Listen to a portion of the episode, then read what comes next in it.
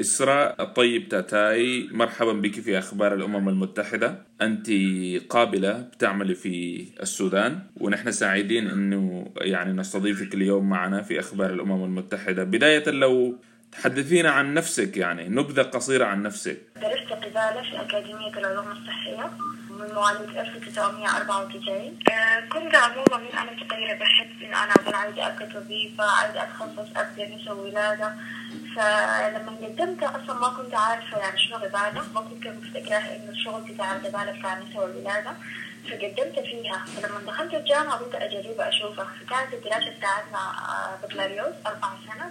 بتدرس قبالة بتدرس سنتين تمريض بعد ذلك بتدرس سنتين قبالة اللي هي نساء ولادة كلها فقلت اخذها كتجربة اشوفها وأنا عموما كنت بحب ان أنا اكون مميزة منطقية فلما لقيت زميلاتي نزلوا مجالات غير فأنا قلت أخش الربالة دي اشوفها فحلمت في الأول كان في صعوبة شديدة لقيتني في الموضوع لكن اتخطيت والحمد لله. طيب وين بتشتغلي الآن؟ آه، شغالة في مستشفى الولادة ومدرمان اللي هي بدايات وشغالة في أكاديمية العلوم الصحية اللي هي الكلية اللي أنا درست فيها شغالة فيها مساعد تدريس. يعني أنت قابلة وبتدرسي في الجامعة في نفس الوقت. طيب كلمينا عن عملك كقابلة في مستشفى الولادة بأم درمان. والله هو صراحة إحنا كان المشكلة اللي عجبتني منا إحنا تخرجنا وجينا نزلنا فكان في مشكلة لأنه الكبار في السودان مربوطة أصلا بالناس الكبار يعني الأمهات الكبار.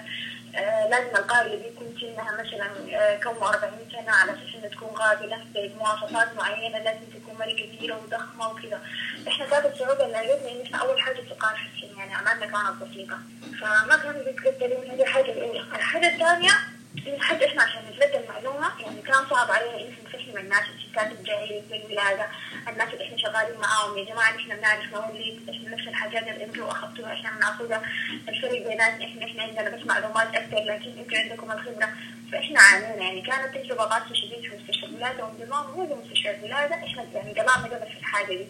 فبعد ذلك الموضوع ما كان ما كان سهل صراحة كان صعب شديد في الأول. فحتى إحنا اضطرينا لمواقف يعني جوا في غرفة الولادة انت لما تيجي تشتغل انت ما تمثلك بتلقي إنه هم الستات الجايين لعملية الولادة بيرفضوا لك بقول لك لا ما حتولدي انت بتسبينا فكان صراع صراع شديد. لكن كانت تجربة حقيقية بالنسبة لنا كانت إضافة. اشتغلنا مع الدكاترة. فكان الفرق بيننا وبين المقابلات الزمان على أساس إحنا إحنا قبالة بتاع البكالوريوس يعني كان تخصص جديد في السودان ما في. فكان الفرق إن إحنا عندنا معلومات علمية كافية بالإضافة لأن إحنا عندنا خبرة أو ممارسة. فهم كان الفرق بتاعهم هم شغلهم كان ممارسه بس أكثر ما عندهم معلومات علمية. فالحاجة دي ساعدتنا وساعدت الدكاترة في المستشفى وساعدت على سير الشغل. كنت حاليا في مستشفى الولادة وأم درمان في يمكن ما يقارب 40 أو أكثر من قابلة اللي هم دول البنات اللي زينا وماسكين مرحلات مختلفة وهم جديرين بالحتة دي. يعني جوا غرف الولادة في الأقسام بتاعت متابعة حوامل ما بعد الولادة تنظيم أسرة. كل الأدوار هم بيقوموا بها كلمينا عن الصعوبات اللي بتواجهكم في عملكم اليومي يعني من خلال المعدات توفر المعدات. هل عندكم يعني كل شيء متوفر في المستشفى ولا الأهم الصعوبات اللي بتواجهكم؟ أنا ممكن أتكلم من الصعوبات يعني عامة لكن هسه حاليا في الجائحة بتاعت كورونا جت في صعوبة. صعوبة يعني لأبعد الحدود لأن المستشفيات كلها كل ال PPE ما متوفرة ما في. فأنت بتحاول تشتغل بأقل الإمكانيات. إحنا بنشتغل ما نقول عشان نوقف الشغل إحنا بنشتغل لكن بأقل الإمكانيات. يعني بجد إنه mask ات ما في بدت ال glove ات يعني حاجة كويس إنه ال glove ات متوفرة نوعا ما. فبتلاقي صعوبة في معدات العمل شديد في العادة إحنا لما كنا زمان ما كان في مشكلة كانت الحاجات كلها متوفرة بتحس عشان الجائحة والأزمة اللي بمر بها السودان في نقص في المعدات. لكن قبل الجائحة ما كان في نقص كل الحاجات كانت متوفرة. طيب هل عندكم أي تعاون مع منظمة الأمم المتحدة زي ال UNFPA في أنهم يوفروا لكم المعدات زي ال PPE وغيرها؟ الـ UNFPA عموما هم بيدعموا برنامج القبالة في السودان بس أنا ما أعرف النشاط بتاعهم عن طريق هذه الحتة يعني هم ناس الـ UNFPA بيشتغلوا عن طريق الوزارة بيشتغلوا training بتاع midwife حتى ال training اللي أنا اتكلمت فيه عن الكورونا كان عملوا لنا الـ UNFPA فدورهم عظيم في التدريب بتاع ال midwife دي حاجة هم بيشتغلوا فيها. لكن كأدوات توفير للأدوات داخل المستشفى ما عندي فكرة إن هم بيوفروها ولا لا. لكن هم عموما بيشتغلوا في ال training فهم دربونا إحنا sister midwife بعد ذاك أنا طلعت جربت في جوا جوا الخرطوم أنا جربت بعد ذاك مشيت مشيت جربت في إحنا طلعنا ست ولايات اللي هم الولايات بتاعت السودان.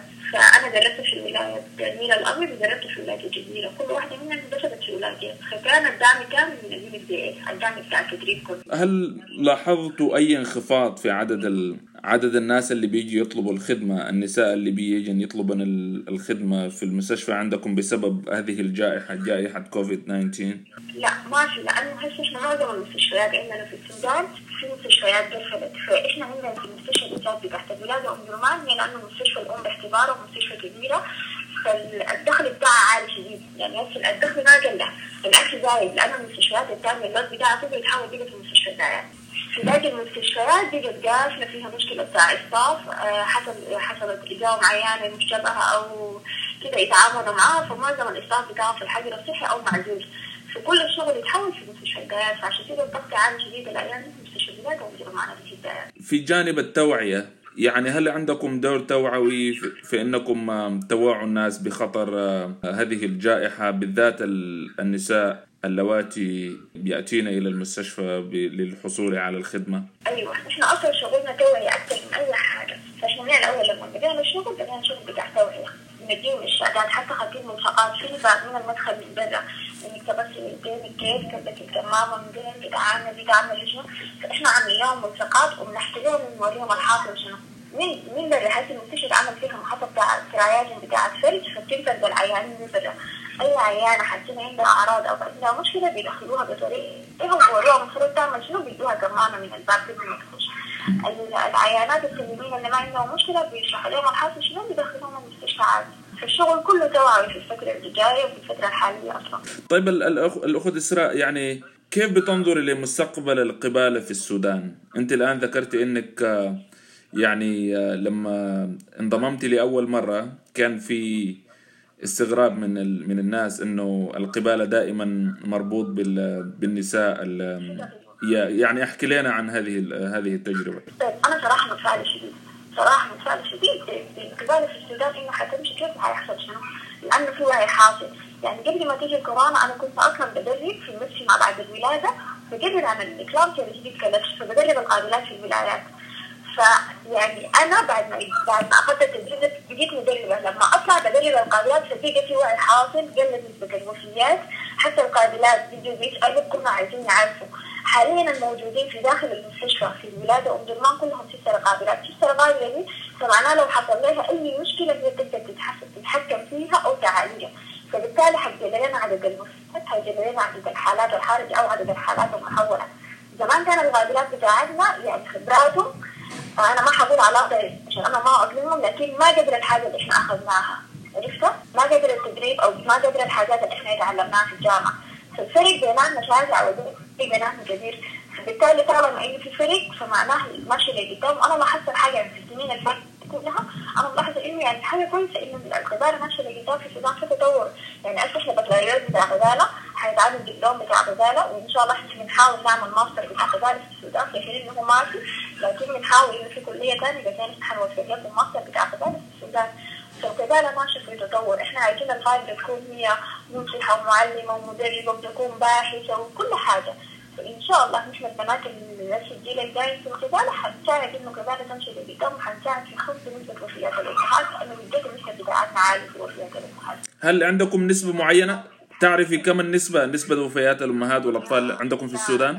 لا النسب أنا ما بعرف عنها حاجة لأنه هي عادة بتكون من المكتب الإحصائي بتاع وزارة الصحة. طيب هل عندك أي في الختام عندك أي رسالة عايزة توجهيها سواء كان للجهات الحكومية ولا للمكاتب الأممية العاملة في السودان ولا لأي جهة؟ هل عندك رسالة معينة أو كلمة أخيرة؟ والله الرسالة إن هم بس آه، بس هم يجيبوا في موضوع القبالة لو هم بجد محتاجين يجيبوا معانا ويساعدونا بس يطوروا لنا القبالة في السودان يعني هسه إحنا ماستر بتاع قبالة ما في ممكن يساعدونا يعملوا لنا ماستر مثلا أو ممكن يعملوا لنا برا ماستر أو حاجة. بس يطوروا لنا الكادر بعدين يأهلوا لنا عشان عشان هو يجي يسد لنا الفيديو اول مكسر موجود. فدي اللي أنا غير كده ما عندنا حاجة طيب آه، شكرا لك شكرا جزيلا الأخت إسراء.